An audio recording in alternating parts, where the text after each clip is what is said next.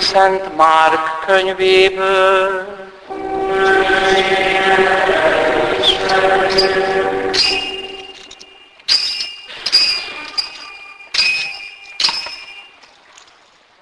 Jézus kijött az zsinagógából, és elment Simon és András házába. Simon anyósa lázas betegen feküdt. Mindjárt szóltak is Jézusnak. Jézus oda ment hozzá, megfogta a kezét és fölsegítette. Eve megszűnt a láza és szolgált nekik. Amikor lement a nap és beesteledett, oda vitték hozzá a betegeket, és a gonosz lélektől megszállottakat. Az egész város ott szorongott az ajtó előtt. Jézus pedig sokakat meggyógyított, akik különböző bajokban szenvedtek és sok ördögöt kiűzött. Nem engedte meg azonban, hogy megszólaljanak, mert tudták, hogy ő kicsoda.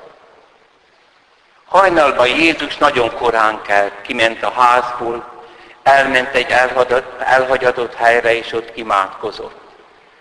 Simon és a vele hívők utána mentek. Akkor megtalálták, és azt mondták neki, téged keres mindenki. De ő azt felelte, menjünk el máshová a szomszédos helységekbe, hogy ott is hirdessem az evangéliumot, hiszen ezért jöttem ki. És ment, hirdette az evangéliumot a zsinagógákban, Galilea egész területén, és kiűzte az ördögöket. Ez az evangélium igény.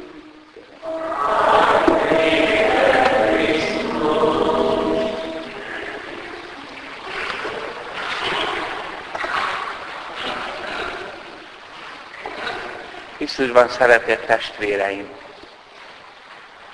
Az Istennel való kapcsolat nem arra való, hogy jól menjen a sorom, hanem hogy Istennel kapcsolatba legyek. A vele való kapcsolat maga az emberi létezés és az életnek a lényege. Ennél nagyobb jó nincs kevesen jutnak ennek a felismerésére, és akik ennek a felismerésnek birtokába jutnak, azok közül is csak kevesen vannak, akik mernek így élni.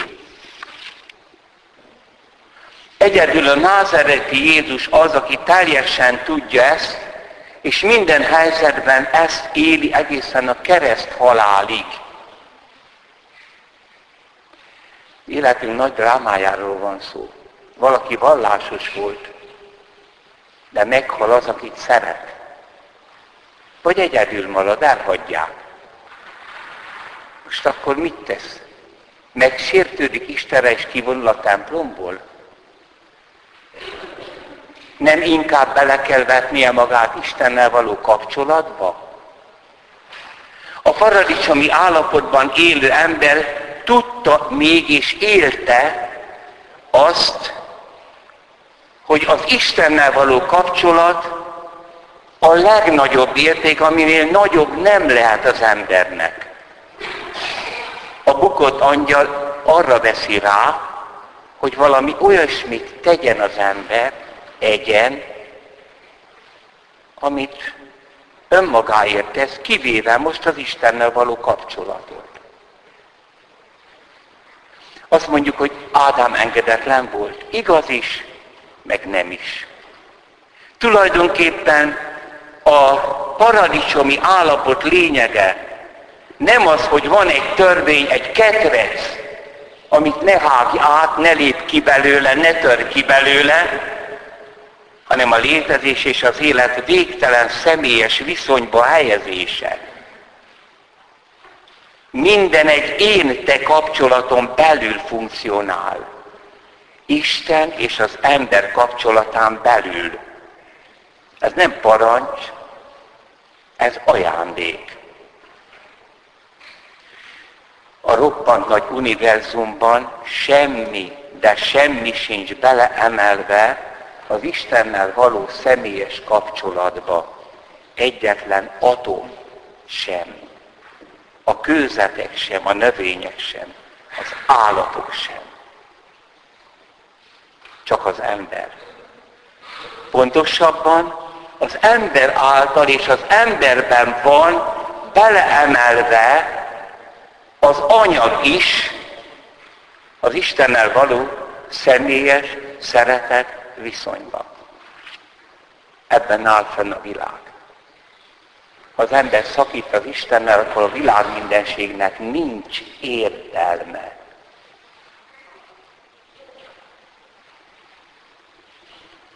A kinyilatkoztatásnak a korai szakaszában, amikor fölvesz Isten az emberrel a kapcsolatot, az ember ezt nem egészen érti. Úgy éli meg, hogyha jó megy a sora, van szép felesége, aztán fiai, lányai, nagyon sok marhája, tehene, stb. Mint Jobbnak. Egészséges. Akkor ez hitelesíti azt, hogy az Isten őt szereti. Ez a kapcsolat az Istennel. Mindaz azonban, ami rossz, a betegség, a halál, a család széthullás, a szegénység, a magány, a gyalázat, Isten távolságát jelenti. Azonosítja az ember az evilági jólétet az Istennel való kapcsolattal. Mivel azonban egyszer az ember az élet egyetlen mozzanatát, az a gyümölcsevést, kivette az Istennel való kapcsolatból, azóta nem az Istennel való kapcsolat az ember számára legfőbb jó, hanem az, hogy jól érezze magát. A szenvedés biztos jelévé vált annak, hogy Isten elhagyta, és kísértve van arra, hogy ő is kilépjen ebből a kapcsolatból. Mert ezen kapcsolaton kívül megszervezze most az életét. Vagy csendesen csinálja, még fenntartva a vallásnak a külső formáit, vagy hangosan, szinte káromkodva. De van egy harmadik lehetőség. Jobb könyve egy óriási fordulat fordulat annak a megértésében, hogy az Istennel való személyes kapcsolat a legfőbb jó, az abszolút jó, ami nélkül semmi sem jó, mert nincs értelme. Egyik legdrámaibb könyve a Szentírásnak. Jézus kereszthalálára mutat. Jobb elveszíti fiait, leányait egy nap. Rátörnek ellenséges rablóbandák, és elhajtják a szamarait, jószágát. Őt pedig rákos daganatok, bőrrák borítja el. És azt mondja az asszony neki, persze a Szentírását nem meri kimondani. Káromkod, káromold az Istent, az dögölj meg. Így mondja a Szentírás, hogy áld az Istent mert nem meri kimondani, hogy mit mondott. Jó pedig nem káromkodik. Nem fagyos hallgatásba burkolózik, hanem az ember legmélyebb imádságát mondja. Csodálatos ez az imádság. Azt mondja, Istennek. Nem de küzdelem az ember sorsa a földön, nem, de napszámos módjára telnek a napjai. Napjai futnak, mint a takács vetélője, eltűnnek, nyomukban nem marad reménység. Gondold meg, micsoda gyönyörű, hátborzongató mondat. Istennek ez a kicsi teremmi azt mondja, Uram, gondold meg! Életem csupa egy lehelet, Szem, szemem soha többé nem lát boldogságot, pedig te teremtettél. Gondold meg, Uram, de ezt neked mondom, Mert a létezésém életem egyetlen értelme a veled való beszéd. Az, hogy fölvetted a kapcsolatot az emberek, testvérek, ez a vallás, ami ezen kívül van, az egy üres máz. Az, hogy magamra erőltetem, hogy néha eljövök a templomba. Hát, mit ér ez? A Teremtő Istennel való kapcsolaton a jó dolgoknak sincs értelme.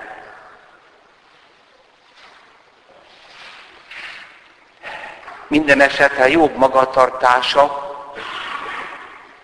csodálatos. De megvalósulhat-e itt a Földön az Isten és az ember kapcsolatát? Olyan messze az Isten hol van? Sötétben van.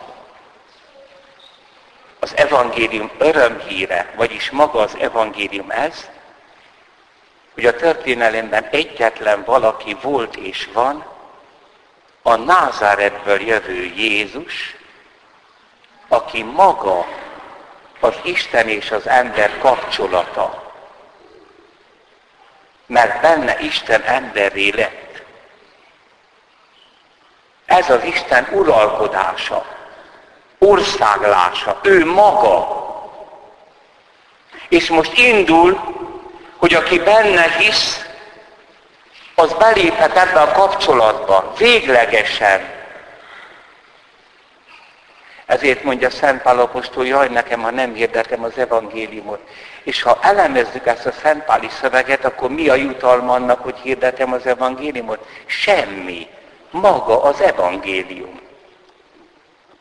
A misének semmiféle értelme nincs, csak maga a mise az, hogy vele kapcsolatba jutok, hogy a föltámadt Jézus eljön hozzám, aki valami mást vár a misétől, akár lelki talajzó szerekkel, egy jó közösséget, stb., amit várhat, de enélkül nem ér semmit. Mi a jutalmam? Az Istennel való kapcsolatban? Az Istennel való kapcsolat. Maga ez. Az örök életben is. Azt mondjuk, hogy az örök boldogság. Dehogy. Az Istennel való kapcsolat. A boldogság az melléktermék. Azonban a kinyilatkoztatás kezdetén van egy megdöbbent esemény, amelytől soha nem lehetne eltekinteni Ábrahám áldozata. Megígéri Ábrahámnak, hogy nagy nép atya leszel, és nem születik gyereke. Hm. Valaki megházasodik, férhez megy, és nem születik gyereke. Na most akkor itt manipulál. Ne manipuláljon. Vegyen ki például egy árva gyereket, az az övé. Ne manipuláljon. Ábrahámnak még nem volt a mesterséges megtermékenyítés, tehát mit csinált? A szolgálójával feküdt le, és így majd lesz gyermekem, Izmael. Azt mondja, Isten, nem arról beszéltem. Sárától fog megszületni. És megszületett Izsák. És Ábrahámnak még tovább kellett tisztulnia. Mert most aztán itt van a bizonyíték. Itt lépd el előttem Izsák, ő bele, bele van csomagolva az egész törzs milyen jó, és azt mondja Isten neki, vedd egyetlen fiadat, akit szeret, Izsákot, menj Mória földjére, és ott mutasd be elégő áldozatul nekem, azon a hegyen, amelyet majd megnevezek neked, ahogy a pogányok is megteszik. Hm. Isten most megszegi a tíz parancsolatot? Ne ölj, és ő pedig azt parancsolja, hogy ölj, nem. Kiderül, hogy amikor felemeli a kést, azt mondja, ne tedd. Magát kell megölnie. Azt a valláshoz bizonyosságot, hogy itt lép el előttem az ígéret.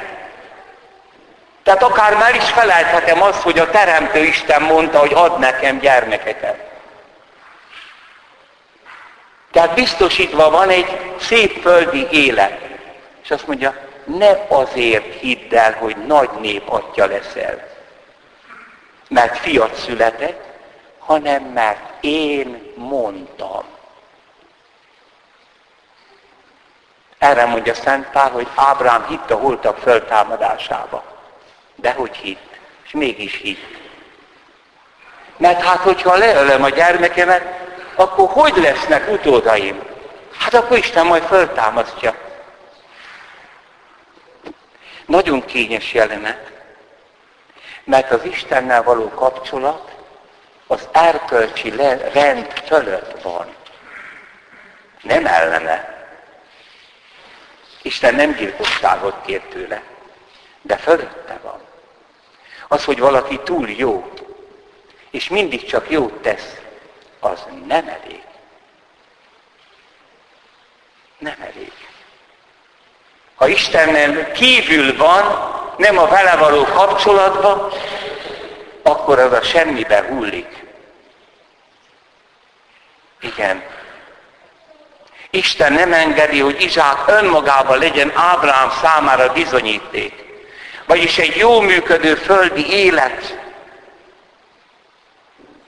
nem engedi, hogy a vele való kapcsolatból, amely a teremtő, a semmiből a világot teremtő Istennel való kapcsolat, ebből ki legyen véve. És az egyháznak is, amikor ilyen bizonyítékai vannak, amikor túl jól megy, akkor nem megy jól. Az egyház akkor egyház, ha éppen, hogy csak egyház. Csak az a törékeny hite van, hogy Isten Krisztusban emberé lett, értünk, meghalt és föltámad. És Isten valóban kapcsolatban van velünk. Igen, és itt van az, er, az ateista humanizmusnak a csődje. Isten nélküli humanizmus. Tegyünk jó gyerekek. De minek itt a Istennel való kapcsolat? És most hova jutott az ateista humanizmus? Hová? Minden meg van mérgezve. Mert végül is, ha nem az a legnagyobb érték, hogy Istennel én kapcsolatban vagyok, akkor minden jó megromlik.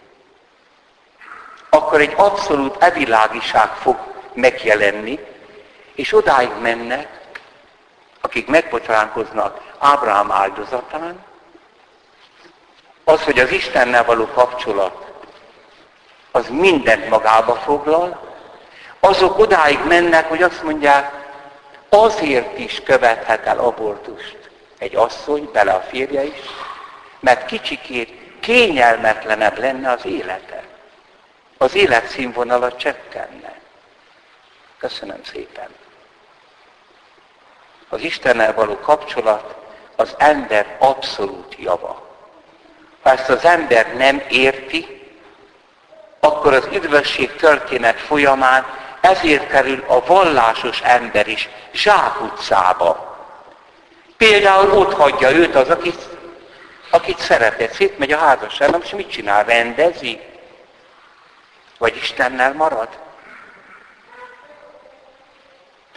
Isten megengedi, hogy rendezzük nélküle sok mindent. De kiléptünk. Jézus szerette ezt a világot mindenkinél jobban. De csak az atyával való kapcsolaton belül. És a szenvedések közében is az atyával marad. Atyám, ha lehetséges, múljék el tőlem e de ne az én, hanem a te akaratod legyen. Ezért az atya meghallgatta a názáretit, az ő isteni fiát, aki Isten fiad emberé lett. Hogy hallgatta meg? Az utolsó percben? Nem. Az utolsó perc után. Ez a mi hitünk. Meghalt és eltemették és harmadnapra dicsőségre támasztotta, nem hívta vissza erre földre, hogy folytassa az életet, hanem az egész anyagi testét átalakította, és így benne a világ mindenséget dicsőséges anyaggá. Úgyhogy itt is itt van.